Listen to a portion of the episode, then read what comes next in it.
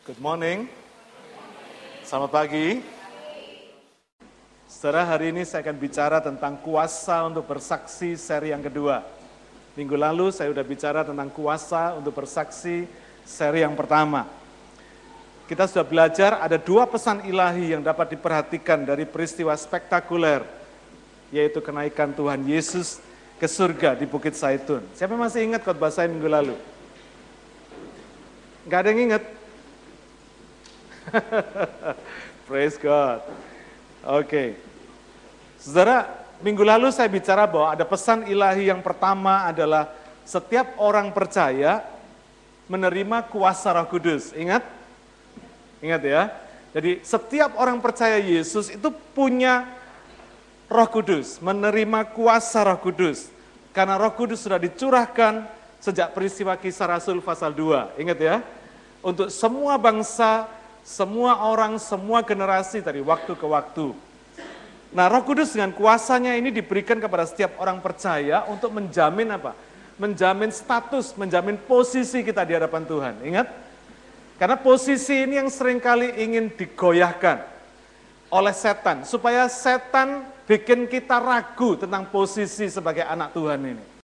Dengan cara apa? Dengan cara untuk membuat kita melihat kondisi kita. Kalau kita lihat kondisi kita yang lemah, yang terbatas, yang suka males, yang suka nggak jujur, yang suka masih salah ini itu, berdosa sana sini. Nah dari kondisi ini setan ingin mengaburkan, ingin membuat kita ini goyang. Bikin kita ini ragu, betul nggak sih aku ini anak Tuhan? Ya, Ini yang selalu setan ingin supaya kita ragu posisi ini. Jadi posisi ini begitu penting saudara. Status kita sebagai anak Tuhan ini begitu pentingnya.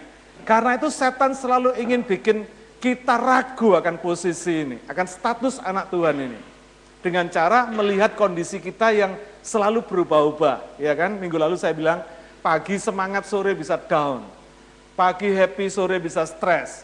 Saudara, kondisi ini yang dibuat setan untuk bikin kita melihat, coba lihat, masa anak Tuhan kayak begini, kan gitu toh?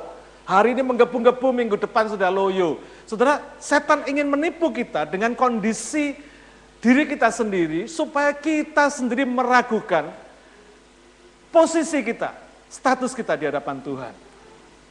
Ya. Karena itu pagi hari ini saya ingin mengajak saudara melihat pesan ilahi apa yang kedua yang Tuhan sampaikan di dalam peristiwa spektakuler kenaikan Yesus ke sorga ini yang minggu lalu kita peringati sama-sama.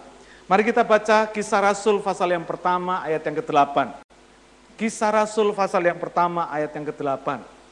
Firman Tuhan berkata demikian, tetapi kamu akan menerima kuasa kalau roh kudus turun ke atas kamu. Dan kamu akan menjadi saksiku di Yerusalem dan di seluruh Yudea dan Samaria dan sampai ke ujung bumi. Saudara pesan ilahi yang kedua adalah menjadi saksi Kristus. Kalau yang pertama, pesan ilahi yang pertama, orang percaya menerima roh kudus menerima roh kudus dengan kuasa roh kudus, maka pesan ilahi yang kedua, firman Tuhan berkata menjadi saksi Kristus. Orang yang sudah menerima roh kudus ini, orang yang sudah percaya kepada Yesus ini akan menjadi saksi Kristus. Ya. Dalam bahasa Inggris dikatakan, but yes shall receive power. After that the Holy Ghost is come upon you. And yes shall be witnesses. Saudara dalam bahasa Inggris ini jelas banget. You shall be witnesses. Kamu akan menjadi saksi-saksi unto me both in Jerusalem and in all Judea and in Samaria and unto the uttermost part of the earth. Saudara, mengapa kita harus bersaksi? Satu-satunya alasan kita bersaksi adalah karena kita sudah berubah menjadi anak-anak Allah. Ini penting, saudara. Seringkali banyak orang bertanya begini sama saya, Pak, kalau kita berdosa, Roh Kudus kan nggak mau bersama-sama kita kan? Ya minggu lalu sempat saya singgung. Jadi Roh Kudus nggak mau hidup sama orang berdosa. Terus Roh Kudus keluar dari kita gitu. Ngambek sebentar, gua tunggu lu gitu ya. Balik lagi, bertobat nggak? Gua tunggu lu. Kalau nggak bertobat ya sudah, bye-bye. Saudara, ini pengertian yang salah. Roh Kudus bukan kita yang tukang ngambek. Kita tukang ngambek, saudara. Tapi Roh Kudus bukan Allah, bukan roh yang tukang ngambek. Justru ketika kita jatuh ke dalam dosa, maka roh kuduslah yang akan terus menyadarkan kepada kita. Orang yang paling butuh dokter adalah orang yang paling sakit, betul nggak? Jadi kalau Tuhan Yesus, kalau Roh Kudus itu ngambek terus keluar dari kita, masuk keluar masuk keluar. Saudara saya percaya kalau orang berdosa tanpa Roh Kudus gak akan bisa balik lagi saudara. Siapa yang akan mendorong dia? Siapa yang akan memberi kekuatan kepada dia untuk kembali kepada Tuhan? Siapa yang terus bicara sama dia? Orang berdosa gak akan tenang hidupnya. Dia akan terus Roh Kudus kalau dia memang sudah mengalami keselamatan dari Tuhan, dia sudah diselamatkan dari oleh Tuhan, maka di dalam hati dan pikirannya Roh Kudus akan terus bicara. Dia nggak akan pernah berhenti, saudara. Karena firmannya berkata apa? Aku tidak akan sekali-kali meninggalkan engkau. Amin. Dia terus akan digoyang terus sama Roh Kudus untuk dikatakan engkau kembali, engkau mesti bertobat, engkau salah, engkau berdosa, balik, engkau mesti balik. Saudara, itu kalau orang ini sudah diselamatkan. Kalau orang ini sudah mengalami Yesus, sudah mengalami keselamatan, hidup lahir baru di dalam Yesus. Bukan ketika dia berdosa terus roh kudus ngambek, bye-bye, dia pergi sebentar, ditunggu. Sampai dia balik baru roh kudus mau kembali lagi datang. Enggak saudara, saya percaya orang berdosa tanpa kuasa roh kudus gak akan bisa balik sama Tuhan. Amin. Kuasa apa yang membuat dia bisa kembali sama Tuhan? Siapa yang akan bicara kepada dia untuk dia kembali sama Tuhan? Siapa yang akan terus mendorong dia dan memberi kekuatan untuk meninggalkan dosa kalau bukan Roh Kudus? Amin. Saudara, karena itu pengertian ini penting sekali. Ya, kenapa?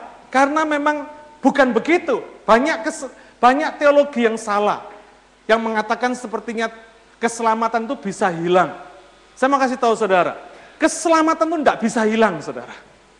Ya, meskipun ada ayat-ayat di Alkitab yang mengatakan seolah-olah seperti itu, tetapi pengertiannya tidak begitu. Nanti satu ketika saya akan ceritakan, saya akan jelaskan tentang ayat-ayat yang berkata seolah-olah keselamatan itu bisa hilang. Enggak, saudara. Kalau orang itu sudah mengalami keselamatan, dia tidak akan pernah bisa hilang, saudara. Karena apa? Karena keselamatan itu anugerah Tuhan, betul enggak, saudara? Bukan karena perbuatan saudara. Kalau sampai keselamatan itu bisa hilang, berarti keselamatan itu tergantung perbuatan kita. Nangkep enggak? Nangkep enggak, saudara? Keselamatan yang sudah terima ini bukan karena kita, tapi karena Allah yang memberikan kepada kita. Nangkep? Kalau keselamatan itu bisa hilang berarti karena kesalahan kita kan? Berarti karena perbuatan kita kan? Ini salah kaprah saudara. Ayat-ayat yang ada di Alkitab yang berkata seolah-olah keselamatan itu bisa hilang, itu dimaksudkan tidak seperti itu.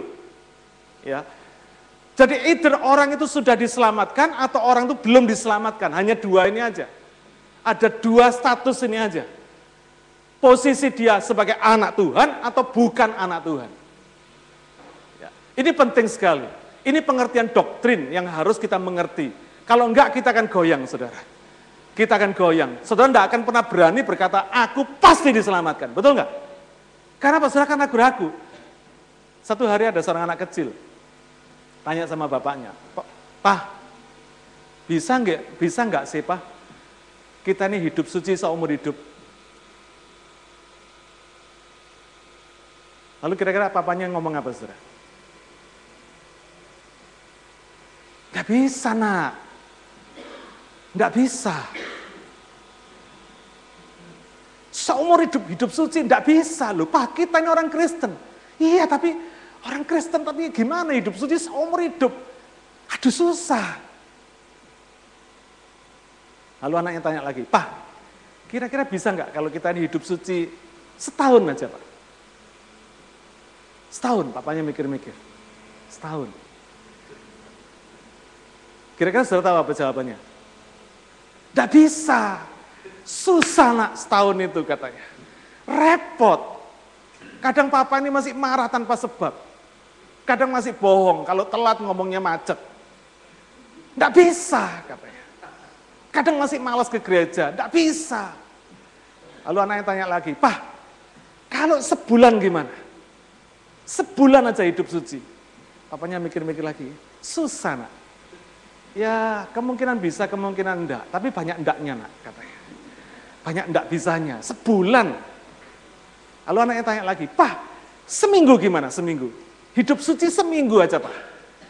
Dia mikir-mikir lagi, seminggu ya kemungkinan oke okay lah, masih bisa lah seminggu. Tapi ya banyak tidak bisanya nak katanya.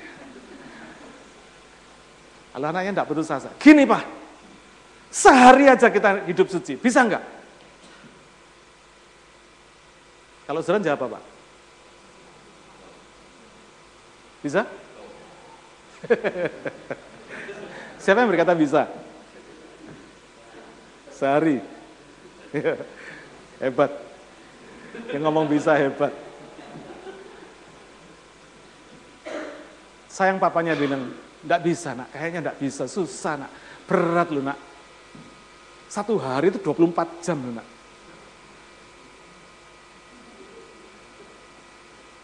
Susah lu nak. Kalau anak yang tanya, gini pak, kalau satu jam bisa enggak? Bisa enggak? Hidup suci satu jam aja nak. Apa pak katanya? Papanya ngomong apa? Ah kalau satu jam mungkin bisa nak. Bisa katanya. Lalu anaknya berkata gini, kalau gitu pak, saya akan hidup suci dari jam ke jam. Supaya tanpa terasa, seumur hidup saya, saya bisa hidup suci sama Tuhan. Anggap gak saudara? Ya, Saudara, ini satu hal yang sangat penting sekali. Karena kesucian kita itu kadang tidak bertahan lama, saudara. Kita mungkin bisa bertahan satu jam, tapi lolos sedikit sudah tidak suci lagi, saudara. Saudara bohong di pikiran aja, punya pikiran aja. Salah Tuhan sudah tahu, saudara. Dan itu sudah dosa. Gak usah ngomong loh, saudara. Baru mikir aja. Baru mikir. Tuhan sudah tahu. Dan itu sudah berdosa. Jadi kalau tanpa roh kudus di dalam hidup kita, omong kosong, nggak mungkin kita bisa hidup suci, saudara. Amin. Apalagi waktu kita jatuh dalam dosa, kalau nggak ada roh kudus, kapan kita bisa mentasnya tadi dosa, saudara? Kapan kita bisa kembali bertobat sama Tuhan kalau nggak ada roh kudus, saudara? Karena itu status dan posisi anak Tuhan ini penting banget di hadapan Tuhan. Penting sekali, saudara. Tidak boleh goyang. Karena kita percaya bahwa kita ini anak Tuhan. Yang sudah diselamatkan oleh Tuhan bukan karena perbuatan kita tetapi karena perbuatan Allah sendiri. Bukan karena kebaikan kita tetapi karena kebaikan Tuhan sendiri. Jadi tidak tergantung kita. Nangkap nggak saudara? Saudara baik buruk Allah tetap baik saudara. Saudara rajin malas Allah tetap rajin saudara. Karena jangan telat ke gereja. Malu-maluin, betul?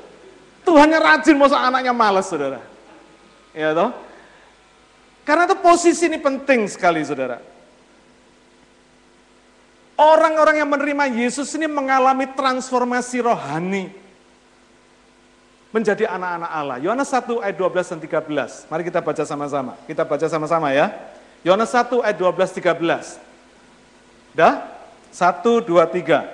Tetapi semua orang yang menerimanya diberinya kuasa supaya menjadi anak-anak Allah, yaitu mereka yang percaya dalam namanya. Orang-orang yang diperanakkan bukan dari darah atau dari daging, bukan pula secara jasmani oleh keinginan seorang laki-laki, melainkan dari Allah. Saudara lihat di sini, ada satu transformasi rohani, ada satu perubahan. Kalau saudara dulu belum percaya Yesus, saudara belum menerima Tuhan Yesus sebagai juru selamat pribadi saudara, maka kita ini adalah orang-orang yang diperanakan dari darah dan dari daging oleh kemauan laki-laki, betul nggak saudara? Status kita cuman itu aja, manusia jasmani tok titik stop di situ. Tetapi puji Tuhan, ayat 12 berkata apa? Orang-orang yang menerimanya diberinya kuasa. Diberi saudara, bukan bukan diberi reward, bukan diberi diberi hadiah, bukan diberi kuasa. Kalau reward itu hasil. Saudara kerja dapat reward apa? Gaji saudara, betul? Karena saudara sudah kerja. Tapi ini anugerah. Saudara diberi pemberian oleh Allah bukan karena kita kerja apa-apa. Tapi karena Yesus yang sudah kerja semuanya buat kita. Karena itu Alkitab berkata apa? Diberinya kuasa supaya menjadi anak-anak Allah. Yaitu mereka yang percaya dalam namanya. Saudara ganti mereka itu saya. Yaitu saya yang percaya dalam namanya. Terus ayat 13 saya perhatikan. Orang-orang yang diperanakkan bukan dari darah atau dari daging. Bukan pula secara jasmani oleh keinginan seorang laki-laki. melainkan dari Allah. Terjadi transformasi, ada perubahan yang tadi semula dari hasil karya laki-laki, sekarang dari hasil karya Allah. Nangkep nggak saudara? Luar biasa nggak? Inilah yang terjadi dalam hidup orang percaya ketika kita diselamatkan oleh Tuhan. Orang-orang yang menerima Yesus ini mengalami transformasi rohani, bukan cuma anak orang tua, tapi menjadi anak Allah, saudara. Terjadi perubahan nature, perubahan alamiah, yang membuat eksistensinya tidak sama lagi. Saya mau tanya sama saudara. Dulu saudara lahir tiba-tiba brewokan seperti sekarang enggak? Kumisen kayak sekarang enggak? Enggak kan? Dulu lahir kayak anaknya Daniel tuh. Kayak Kathleen itu, lucu kan? Imut-imut. Sekarang amit-amit, saudara. Ya, dulu imut-imut. Lucu banget. Dari mana kok bisa jadi begitu? Ketika satu sperma ketemu dengan satu sel telur, betul nggak? Bisa nggak kalau sudah sel sperma dan sel telur ini ketemu, jadi sigut, jadi bakal baby, bisa nggak ini balik lagi? jadi sperma sama sel telur lagi. Bisa nggak? Gak bisa. Saudara hari ini bisa nggak jadi saudara kemarin? Nggak bisa, karena ada suatu transformasi, perubahan dalam hidup ini. Karena itu orang yang percaya Yesus pun sudah nggak bisa, saudara. Sekali kita ini jadi anak Tuhan, kita ini jadi anak Tuhan beneran gitu loh, saudara. Bukan terus sehari ini jadi anak Tuhan, salah dosa besok jadi anak setan, bertobat lagi jadi anak Tuhan lagi, jatuh dalam dosa lagi, jadi anak setan lagi. Enggak begitu saudara. Nangkep enggak maksudnya? Jadi pengertian ini perlu kita mengerti betul supaya kita enggak goyang saudara. Jadi kita ngerti firman Tuhan itu mantep saudara. Karena firman Tuhan itu berkaitan satu sama lain. Tapi kalau pengertian doktrin kita ini salah, kita nggak akan bisa ngerti firman Tuhan ini saudara. Bingung kita saudara. Karena semua yang dibicarakan Tuhan di sini itu bicara bapak kepada anaknya, ngerti nggak saudara? Bukan bapak kepada anak tetangganya, bukan saudara. Tapi bapak surgawi kepada anak-anaknya. Karena itu kita mesti ngerti posisi sebagai anak ini.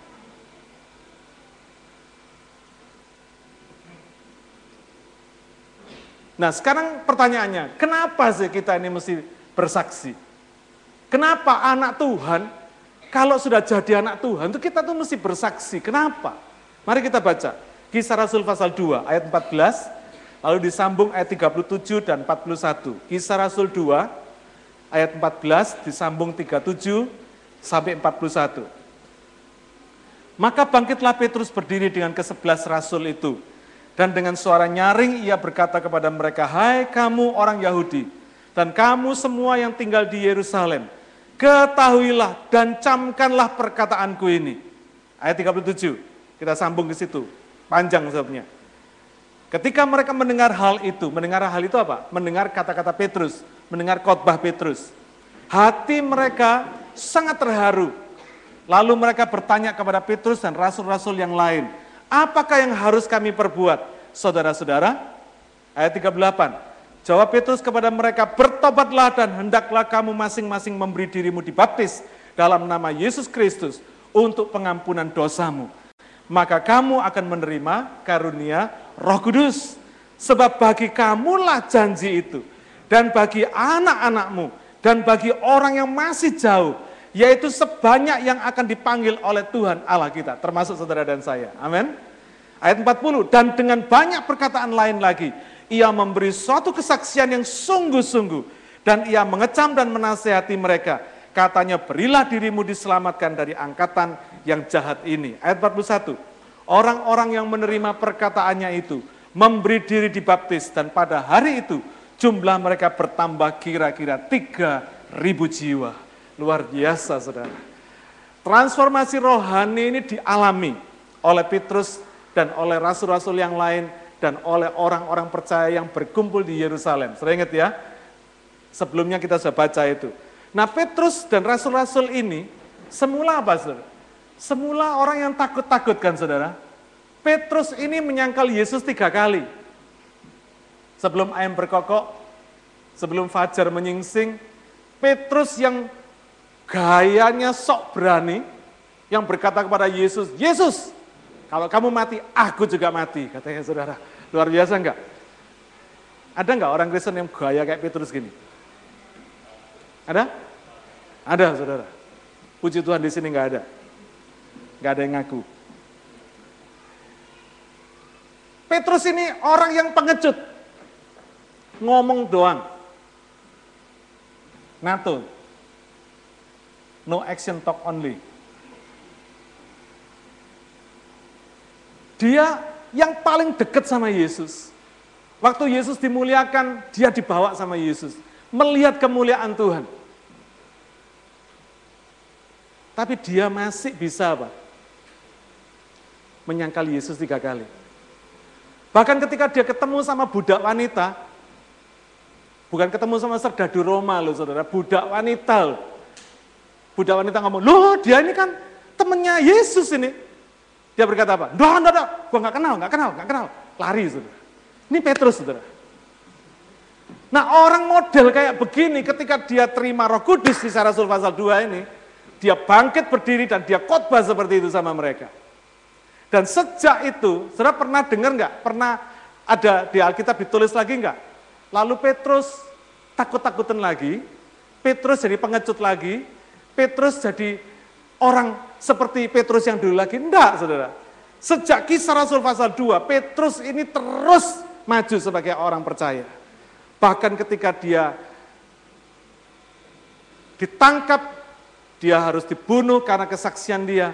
Dia berkata begini, kalau Yesus disalib tegak, saya minta disalib terbalik. Dahsyat nggak saudara? Ada transformasi rohani yang terjadi di dalam diri Petrus dan murid-murid ini, yang bukan lagi takut-takut dan ragu-ragu lagi, tetapi ada satu perubahan hidup yang dahsyat, yang tidak sama lagi seperti sebelumnya. Amin. Inilah bukti orang yang diselamatkan. Kalau roh kudus turun atas mereka, maka terjadi perubahan hidup yang dahsyat. Demikian juga kalau roh kudus turun atas saudara dan saya, akan terjadi perubahan rohani yang dahsyat, saudara. Tidak mungkin saudara akan jadi sama saja. Sambil nyanyi, aku seperti yang dulu lagi. Enggak. Tidak mungkin. Saudara akan berubah, akan mengalami perubahan yang dahsyat dalam kehidupan ini. Kalau dulu saudara malas ya jadi rajin sekarang. Kalau dulu saudara nggak ngerti, mungkin sedikit-sedikit koflok, sekarang jadi pinter saudara. Ada perubahan yang dahsyat yang luar biasa. Nggak jadi sama lagi. Dia berani bersaksi di hadapan ribuan orang. Dahsyat nggak saudara? Semula mereka takut-takut di ruang tertutup, terkunci, takut-takut. Tapi ketika roh kudus turun atas mereka, mereka berubah, saudara. Saudara, inilah ciri orang yang sudah diselamatkan. Ada perubahan hidup dalam dalam hidupnya itu. Ada perubahan karakter. Wajahnya mungkin masih tetap sama, tapi saya percaya karakternya berubah. Amin.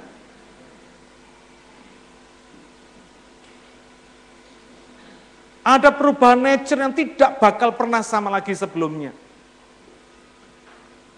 Nah, ciri yang kedua ketika orang ini diselamatkan, dia langsung bersaksi. Saudara, hari ini saya banyak lihat orang Kristen lucu. Banyak yang berbahasa lidah. Kiara lama sika nama takara para apa tapi nggak pernah bersaksi, saudara. Nggak mungkin. Orang yang terima roh kudus itu tidak akan pernah berhenti mulutnya untuk bersaksi. Bukan cuma bahasa rotok yang pinter, enggak saudara.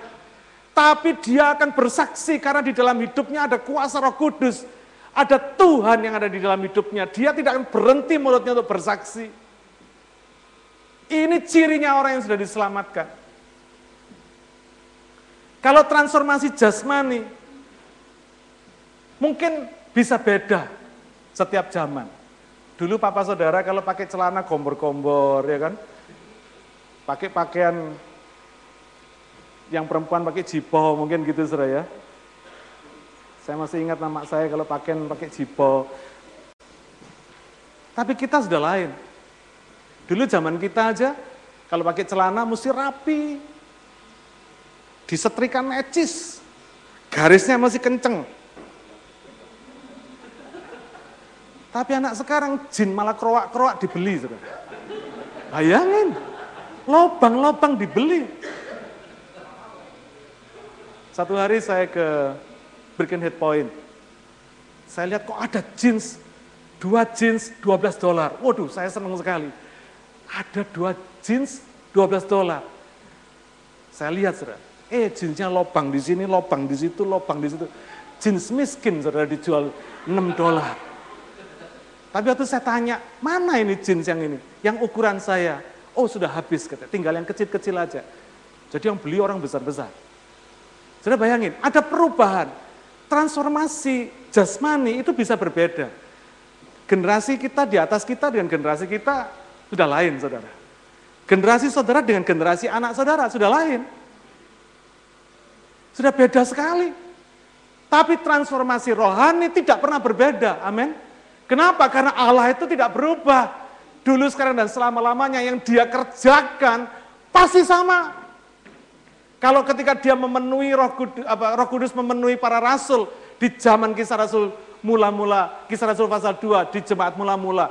Ketika roh kudus turun atas mereka dan mereka bersaksi, maka hari ini pun juga tetap sama. Kalau roh kudus turun atas orang percaya, maka orang percaya itu pasti bersaksi. Gak cuma pinter ngomong bahasa lidah, tok, enggak. Tapi di dalam hatinya pasti ada suatu kerinduan hati untuk bersaksi. Coba saudara perhatikan, banyak orang Kristen hari ini cuma Kristen-Kristenan tok. Ngaku Kristen, tapi belum tentu Kristen. Ngaku jadi orang Kristen, tapi belum tentu dia Kristen beneran loh saudara. Karena kalau orang ke Kristen betul-betul, orang yang sudah diselamatkan Tuhan betul-betul, terjadi perubahan hidup di dalam kehidupannya. Saudara percaya ada orang yang sudah terima roh kudus tapi malas berdoa? Percaya? Ada enggak? Nah mungkin. Roh kudus adalah roh yang berdoa kok. Roh yang mengajar kita berdoa. Bahkan dikatakan kalau kita tidak bisa berdoa pun roh kudus itu akan membantu kita berdoa. Roh Kudus adalah roh yang berdoa. Jadi kalau orang sudah terima Yesus, orang sudah percaya Yesus sudah lahir baru, malas berdoa, tanda tanya besar, saudara. Bisa nggak orang terima Roh Kudus terus malas baca Alkitab? Bisa nggak? Bisa? Nggak mungkin. Karena apa? Alkitab itu firmannya Yesus.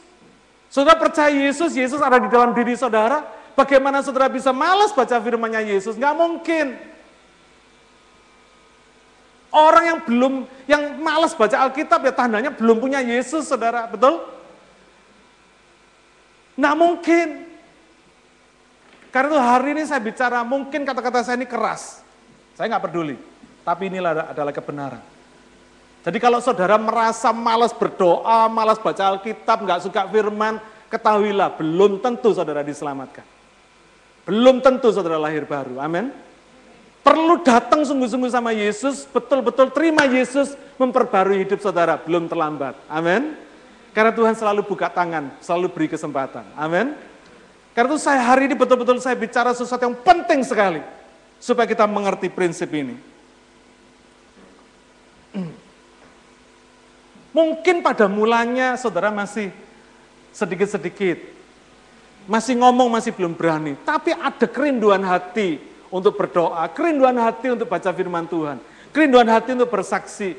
Mungkin belum berani berkata, eh Tuhan Yesus itu juru selamat, tapi kepingin teman-temannya ini mendengar tentang Tuhan, ngajakin dia ke gereja, yuk ke gereja yuk, ayo ke live group yuk, ngajakin, itu ada saudara, tidak mungkin tidak ada, amin. Jadi kalau sampai tidak ada pertanyaan besar saudara, kamu tuh sudah diselamatkan apa belum? Sudah lahir baru apa belum? Sudah terima roh kudus apa belum? Percaya Yesus apa belum? Karena bisa mulut ini berkata percaya, tapi hati belum tentu loh saudara.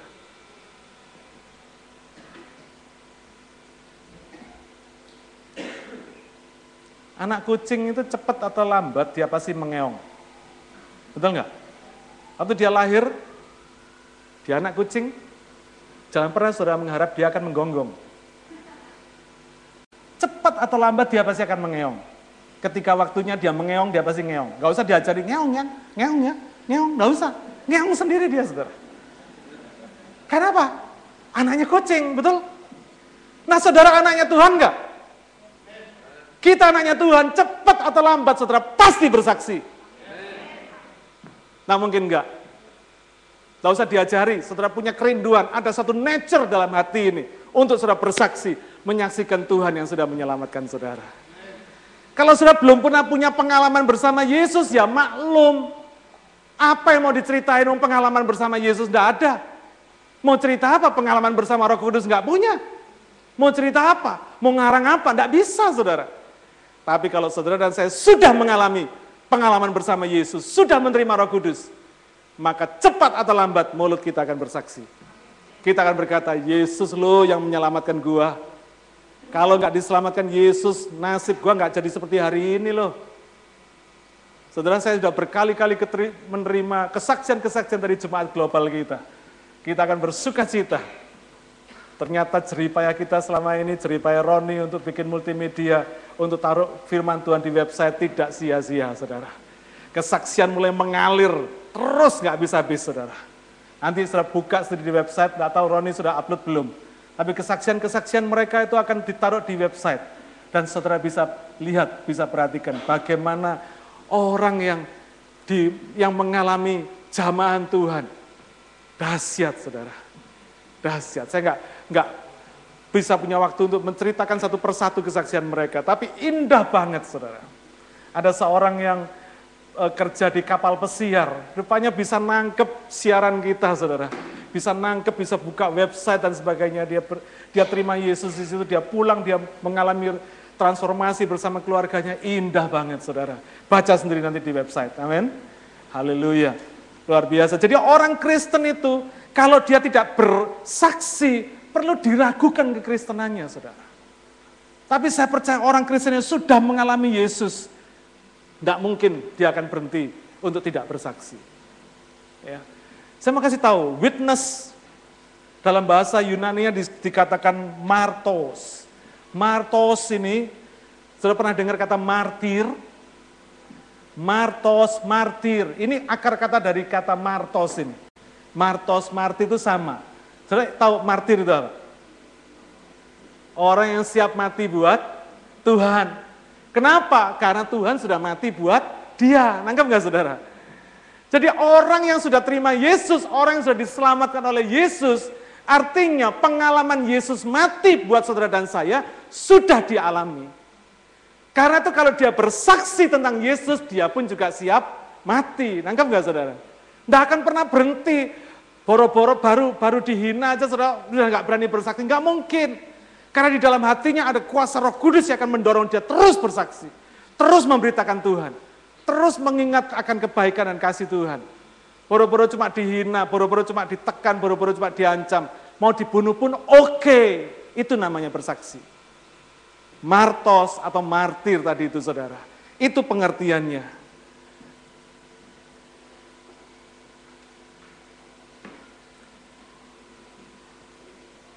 Ada api cinta Tuhan yang membara dalam hatinya yang selalu ingin bersaksi tentang apa yang sudah dia alami bersama Yesus.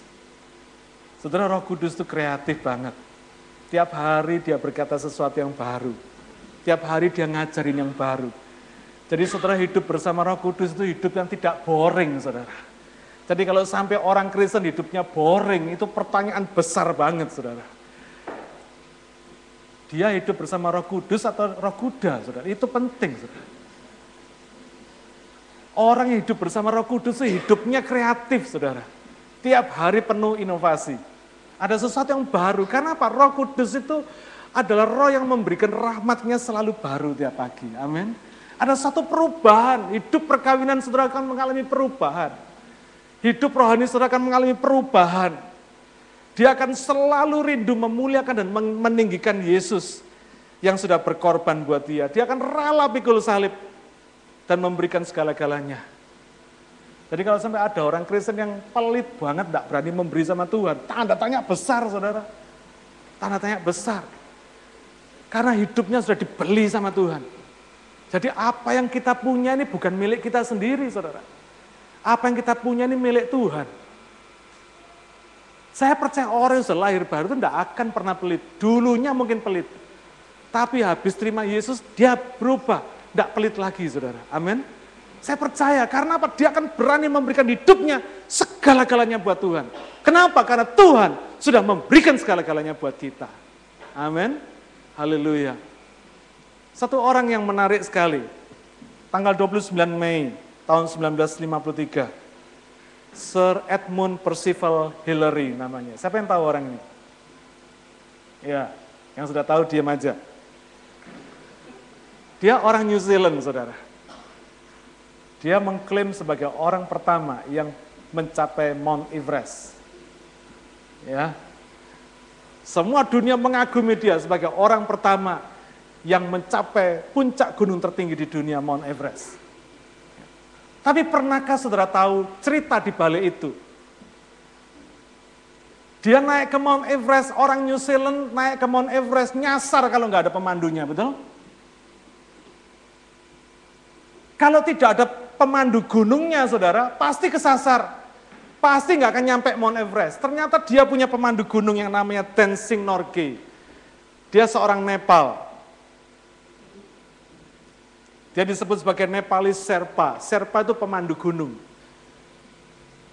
Pemandunya dia untuk bisa sampai ke Mount Everest. Logikanya saudara, pemandu gunung ini jalan di mukanya Sir Edmund Hillary ini atau jalan di belakangnya? Di depannya, betul? Saya setuju, saya pun juga percaya. Nah mungkin pemandu di belakangnya terus, terus, terus, belok kiri, belok kanan, tidak mungkin. Iya kan? Pasti pemandu dia akan jalan di mukanya. Berarti kalau dia pemandunya Teng Sinorga ini berarti dia yang harus lebih dulu mencapai puncak Everest, betul nggak? Tapi kenapa kok Edmund Hillary yang dikatakan sebagai orang pertama yang mencapai puncak Everest? Tidak pernah tahu tuh saudara ceritanya. Tenzing Norgay ini orang hebat. Dia pemandu gunung. Satu langkah sebelum Mount Everest, sebelum puncak Mount Everest dia berhenti. Dia tunggu Sir Edmund Hillary. Dia berkata, Sir, please. Dahsyat nggak saudara? Ketika Edmund Hillary sampai, dia tanya, kenapa lu nggak duluan? Dia berkata, no. Kamu bayar aku untuk jadi pemandu gunung. Sampai di sini. Kamulah yang berhak terima ke kehormatan. Kamulah yang berhak untuk menginjakkan kaki pertama di Mount Everest ini. Bukan saya. Saya ini mau bayar saya ini kamu bayar untuk jadi pemandu kamu. Lah enggak, kalau enggak kamu bayar, saya pun juga enggak mau ke sini kok. Betul enggak, saudara? Hebat enggak orang ini? Hebat, saudara. Lalu dia berkata, Sir, please. Lalu Edmund Hillary, orang New Zealand, saudara. Di New Zealand itu enggak ada gunung yang tinggi. Gunungnya cebol-cebol, kecil-kecil pendek-pendek, ketemu sampai di Mount Everest, kira-kira apa jalannya gagah? Enggak. Pasti sudah gini. Sampai menjejakkan kaki di Mount Everest. Namanya tertulis di sepanjang sejarah orang pertama yang menjejakkan kaki di Mount Everest. Amin. Di belakangnya dancing Norgenya. Tepuk tangan. Saudara, kalau Tenzing Norgay, orang Nepal, dibayar sama Sir Edmund Hillary ini, tahu berterima kasih dan tahu memberi kehormatan buat Sir Edmund Hillary ini untuk mendapat hormat dan kemuliaan sebagai orang pertama pendaki Mount Everest. Mosok saudara dan saya yang sudah dibayar sama Yesus, kita nggak tahu berterima kasih? Halo? Halo? Apakah kita tidak berkata, Sir, Tuhan Yesus, please. Amin. Kita sering kali kan enggak, saudara. Kita sering kali mau cari hormat kemuliaan buat diri kita sendiri. Kalau pelayanan saudara enggak dihargai orang, saudara ngambek, betul? WO, walk out. Saudara kadang kita ini cari kemuliaan sendiri. Lupa kalau hidup kita ini sudah dibayar oleh Yesus. Kalau orang Nepal yang nggak kenal Tuhan yang namanya Tenzing Norga ini tahu berterima kasih kepada Sir Edmund Hillary yang membayarnya dia sebagai pemandu gunung. Saudara dan saya ini mesti lebih daripada orang Nepal ini, amin. Lebih daripada Tenzing Norga ini, karena kita sudah dibayar sama Yesus. Kalau Tenzing Norga dibayar dolar, kita dibayar dengan darahnya Yesus, saudara. Dibayar sama hidupnya Allah sendiri. Mana terima kasih kita? Mana penghargaan kita? Pernahkah mulut kita berkata, Yesus, You are the best. Tuhan Yesus, engkau layak dipermuliakan. Engkau layak aku saksikan. Engkau layak aku beritakan. Mana mulut kita, saudara? Kadang kita mesti malu sama Tenzing Norgay. Amin.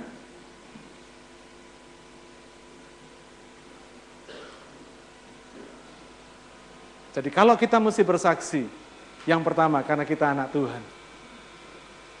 Ingat tadi ya, ilustrasi saya, cepat atau lambat anak kucing mesti ngeong. Saudara, cepat atau lambat anak Tuhan pasti bersaksi. Coba senggol kiri kanan ngomong, eh hey, lu anak Tuhan bukan? Kamu anak Tuhan bukan? Tanya saudara, tanya sama kiri kanan saudara. Lu anak Tuhan bukan?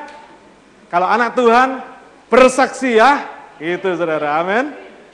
Haleluya, praise God, haleluya. Haleluya.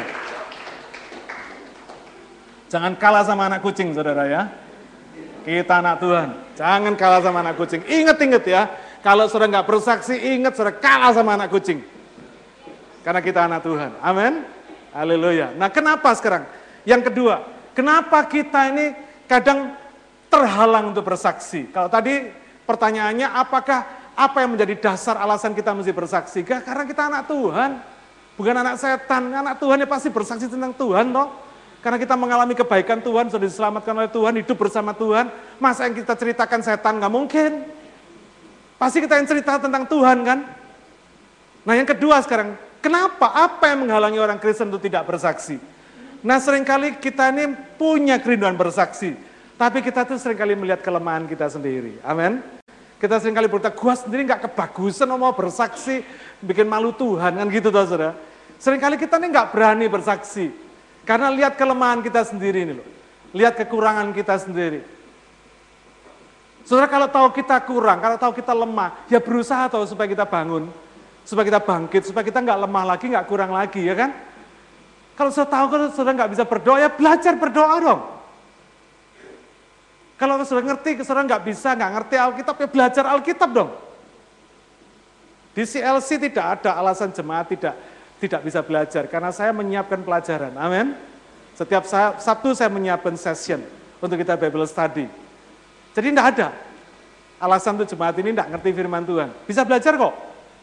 Kalau di gereja lain tidak ada pengajaran yang nggak ngerti saya. Tapi di CLC ada pengajaran. Saya ready untuk ditanya kalau sudah nggak ngerti. Saya paling senang ditanya jemaat. Kalau kita merasa diri kita lemah, kalau kita merasa diri kita kurang, tanya dong, belajar dong. Saya dulu dipeseni sama mama saya begini, kalau kamu punya pelajaran yang kamu nggak ngerti, tambah pelajarono. Kebanyakan orang kan gitu. Kalau ada pelajaran yang nggak ngerti, nggak suka, tambah nggak dipelajari. Ya tambah nggak ngerti, saudara, betul? Salah, kalau kita nggak ngerti, nggak bisa, mesti makin dipelajari. Nggak bisa berdoa, belajar berdoa. Nggak ngerti firman Tuhan, belajar firman Tuhan. Nggak ngerti bersaksi, belajar bersaksi. Saudara latihan. Allah bisa karena biasa, pepatah berkata, ya kan? Jadi saudara tanpa terasa, saudara kan biasa untuk bersaksi. Ada satu naluri yang sudah tidak bisa lagi dicegah untuk bersaksi. Ketemu sama siapa aja saudara bersaksi. Daripada gosip mending bersaksi saudara. Tapi kalau gosip lah seru saudara ya. Tapi kalau bersaksi lebih seru lagi, saudara. Kenapa? Ketika saudara bersaksi Tuhan itu ada bersama saudara. Mengurapi saudara, memberi kuasa. Dan ajaib, saudara. Ajaib, saudara. Ya, luar biasa sekali. Yang kedua, kalau kita ini merasa, kalau tadi yang pertama kita ini merasa diri kita lemah, diri kita kurang, kita ini tidak layak, masih belum kudus, masih belum benar, tidak qualified dalam bersaksi. Saya mau kasih tahu saudara, siapa sih yang qualified? Siapa sih yang layak? Pong kita ini diselamatkan bukan karena kita qualified, bukan karena kita layak, bukan karena kita benar. Kita ini nggak benar tapi dibenarkan Tuhan. Kita ini nggak kudus tapi dikuduskan Tuhan. Kita ini nggak layak tapi dilayakkan Tuhan, betul nggak saudara? Jadi kalau kita ini memang seperti itu, ya sudah, memang kita ini memang tidak layak. Perasaan tidak layak bukan berarti menghalangi saudara untuk tidak bersaksi. Malah saudara bisa berkata, gua ini nggak layak loh. Nggak bisa sebetulnya gua ini ngomong bicara tentang Yesus, tapi ada dorongan dalam hati yang untuk tidak bisa mulut ini berhenti untuk bicara tentang Yesus. Saya bukan kebagusan, bukan. Tapi Yesus yang memang bagus luar biasa. Amin. Sudah bukan cerita tentang diri kita. Banyak orang bersaksi itu berharap supaya cerita tentang dirinya. Salah saudara. Bersaksi itu ya tentang Yesus, tentang pengalaman saudara bersama Tuhan Yesus. Bukan kehidupan kita sendiri. Lalu kadang-kadang orang merasa gagal, punya pengalaman gagal. Dulu saya sudah pernah bersaksi, Pak. Tapi yang saya saksikan mati, Pak. Trauma saya. Lo ada saudara yang begitu, saudara. Nginjilin orang yang diinjilin mati. Wah, trauma setengah mati. Dia nggak berani nginjil lagi. Salah, saudara. Atau yang pernah ngalami ditolak. Pernah nggak, saudara, bersaksi sama orang ditolak? Iya, Saudara saya mau kasih tahu saudara, orang menolak saudara itu belum tentu hatinya nggak percaya loh saudara. Kadang karena gengsi dia tolak saudara, tapi hatinya percaya. Amin. Jadi kalau sampai ada orang menolak saudara dan sebagainya, don't worry. Satu hari saya bersaksi sama seorang jago kungfu, rumahnya di Blitar. Saya masih ingat, dia orang hebat yang sangat ditakuti di Blitar, luar biasa sekali. Kebetulan keponakannya teman saya. Ponaknya bilang sama saya, Injilono itu, pamanku itu. Kalau kamu yang ngomong mungkin satu aliran katanya. Jadi bisa nyambung katanya. Ya sudah saya datang saudara saya injili dia. Wah marah-marah saudara. Marah-marah. Saya dibentak-bentak. Katanya kamu nggak pulang tak tendang Marah-marah. Kamu Kristen-Kristen sendiri. Saya punya agama saya sendiri. Saya bilang, saya nggak bawa agama Kristen ke sini. Saya mau cerita Yesus sama kamu. Biar kamu marahin saya, saya nggak peduli. Mau kamu tendang-tendangan, saya bilang, nggak peduli saya. Tapi saya bercerita tentang sesuatu yang penting bagi hidupmu. Yesus cinta kamu. Yesus yang bisa menyelamatkan kamu. Kungfumu nggak bisa menyelamatkan kamu, saya bilang. Kamu jago-jago ini besok ya jadi kakek kakek peot, saya bilang. Kalau kamu sudah jadi kakek peot, bisa nggak kamu pakai kungfumu menyelamatkan diri kamu? Satu hari kamu masih mati kok. Biarpun jago kungfu sekalipun, betul nggak? Saya nggak peduli, saudara. Dia marah-marah, saya nggak peduli. Saya tenang saya cerita terus sama dia. Bagaimana Yesus itu menyelamatkan saya. Satu hari, sekian tahun kemudian, malam-malam saya ditelepon keponakannya. Teman saya ngomong, oh kamu masih kenal nggak? Masih inget nggak? Pamanku dulu yang kamu injili di Blitar. Oh masih, masih. Sekarang ada di Cengwa Ian. Hah? Kenapa? Kanker paru-paru. Terus, iya, aku disuruh manggil kamu katanya. Lu inget nggak katanya? Dulu temenmu yang tak maki-maki mau tak tendang sama aku katanya. Panggilan sekarang malam ini juga. Luar biasa nggak saudara? Dahsyat nggak? Malam-malam jam 12 saya berangkat ke Ian, sudah ke rumah sakit undaan di situ. Saya datang sama dia. Dia sudah sembujung di situ. Tidak bisa berbuat apa-apa. Saya bilang, kau Betul nggak kata-kata saya dulu? Kalau sekarang sudah begini tuh mau pakai jurus apa? Mau keluarin tendangan yang model gimana saya bilang? Tidak bisa. Pengharapan kita cuma satu, Yesus. Iya, Yesus. Rajin nggak saudara? Jadi kalau sudah ditolak jangan takut, belum tentu dia nggak percaya. Itu buktinya Sekian tahun yang lalu firman Tuhan yang disampaikan tidak pernah kembali sia-sia.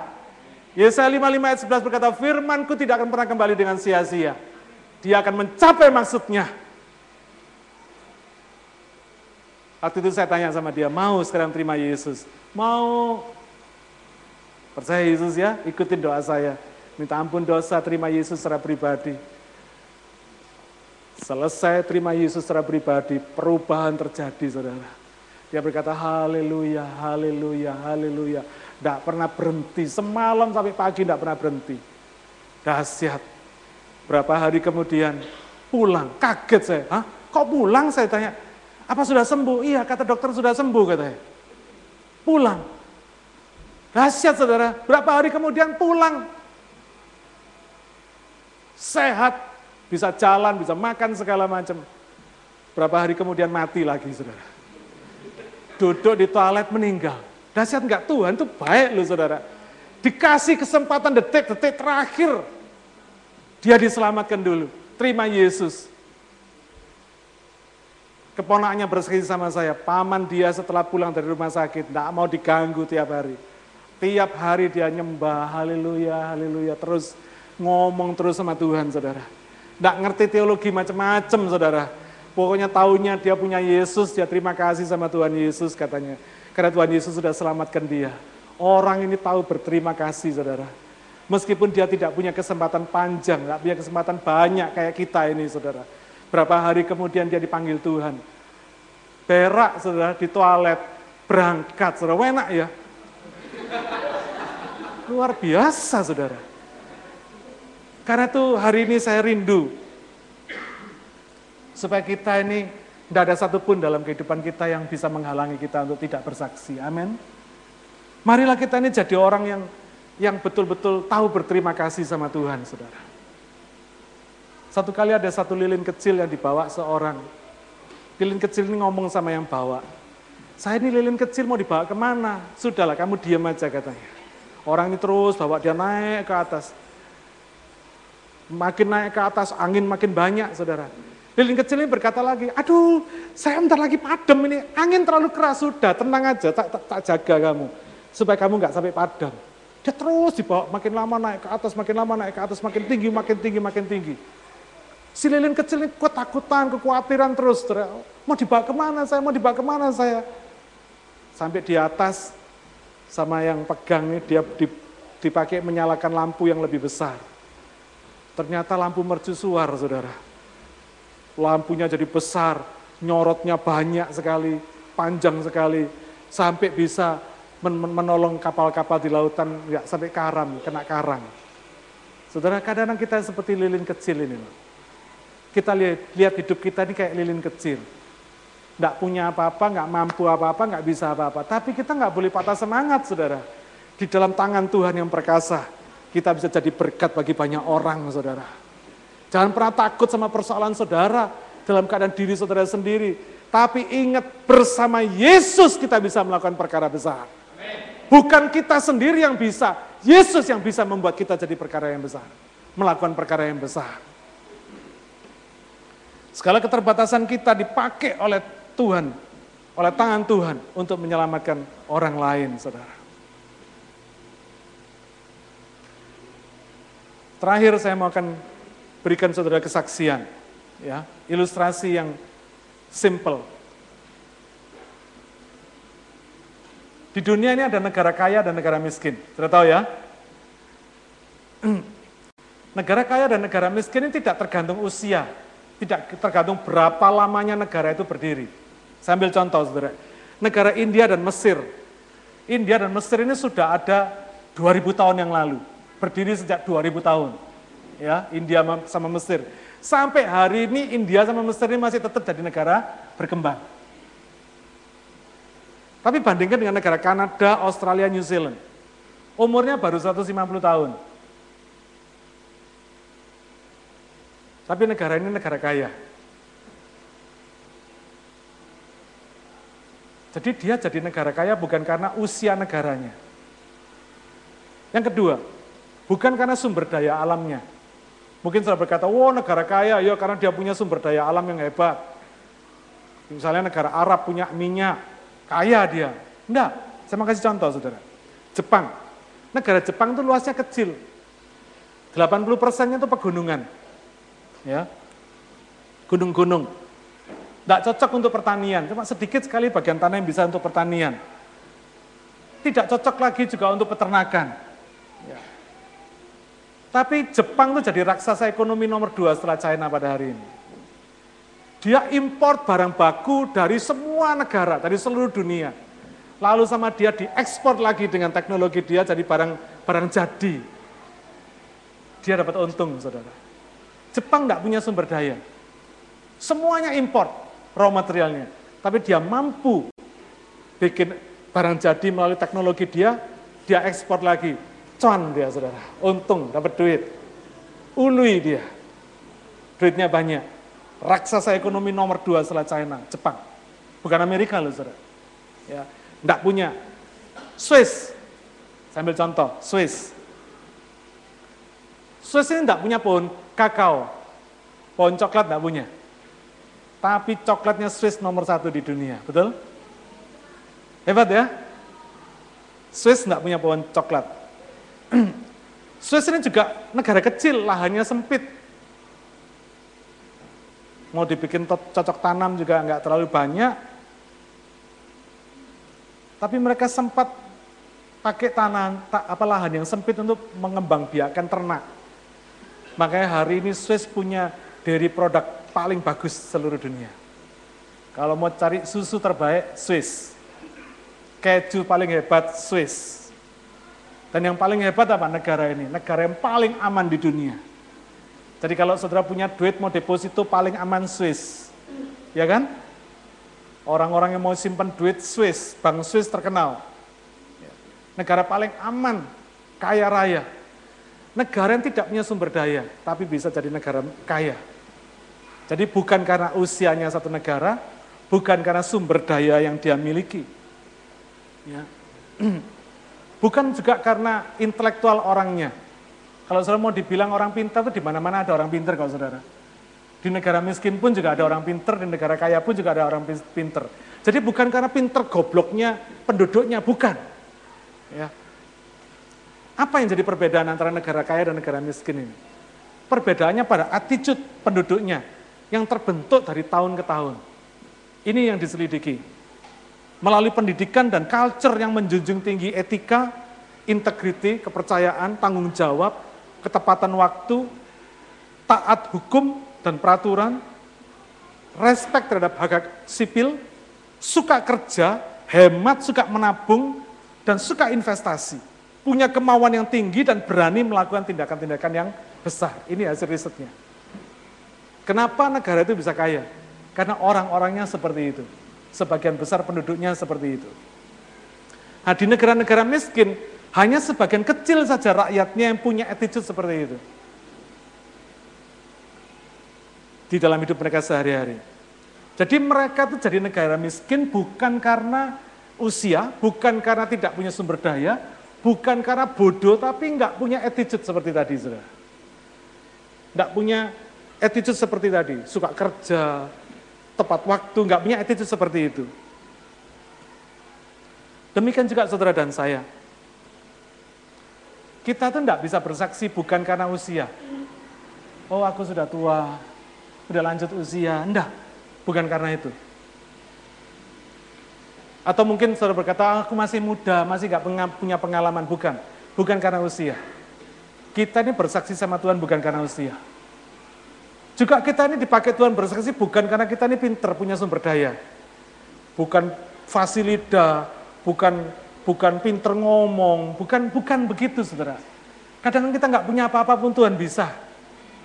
Tadi contohnya sudah ada. Tapi yang Tuhan mau, kenapa kita nggak bisa bersaksi? Karena kita nggak punya attitude, nggak punya kepercayaan, nggak bisa jadi orang yang dipercaya oleh Tuhan. Jadi anak Tuhan tapi nggak bisa dipercaya Tuhan. Nggak taat sama firman, nggak mau kerja keras, nggak disiplin, nggak nggak tepat waktu, saudara. Lalu kita nggak berani, nggak punya kemauan tinggi untuk melakukan perkara-perkara besar. Nah mulai hari ini, tunjukkan eksistensi kita di hadapan Tuhan. Apakah kita ini anak Tuhan? Betul-betul anak Tuhan. Buktikan. Mari kita tunjukkan eksistensi kita. Betul nggak sih kita ini anak Tuhan? Kalau kita anak Tuhan, kita bersaksi.